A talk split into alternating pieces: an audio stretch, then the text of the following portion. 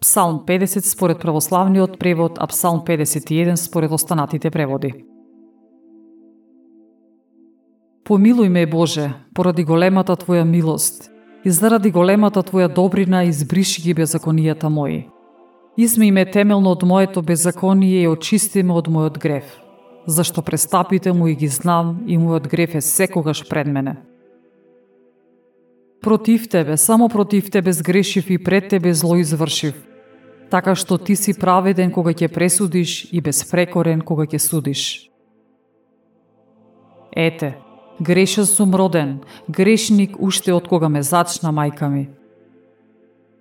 Ти ја сакаш вистината во срцето и внатре во мене ме учиш на мудроста Твоја. Пороси ме со Исоп и ќе бидам чист, изми ме и ќе бидам побел од снег. Дај ми да чујам радост и веселба, нека се зарадуваат коските што Ти ми ги здроби.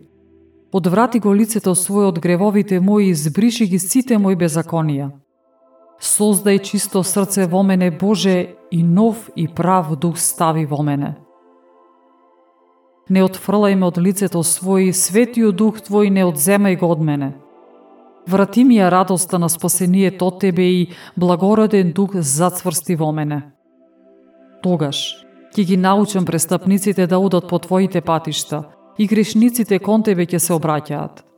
Ослободи ме од пролеаната крв, Боже, Боже на моето спасение, јазикот мој ќе пее за Твоето избавување. Господи, отвори ја устата моја и устата моја ќе објави похвалата Твоја.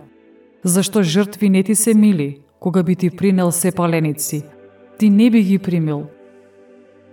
Жртвата пред Бога е срушен дух, срце понизно и смирено. Ти, Боже, не отфрлуваш, Господи, направи му добро на Сион, според благоволението свое, обнови ги зидовите Русалимски. Тогаш ќе ти бидат угодни жртвите на правдата, вознесувањата и жртвите сепаленици. Тогаш на твојот олтар ќе принесуваат телци.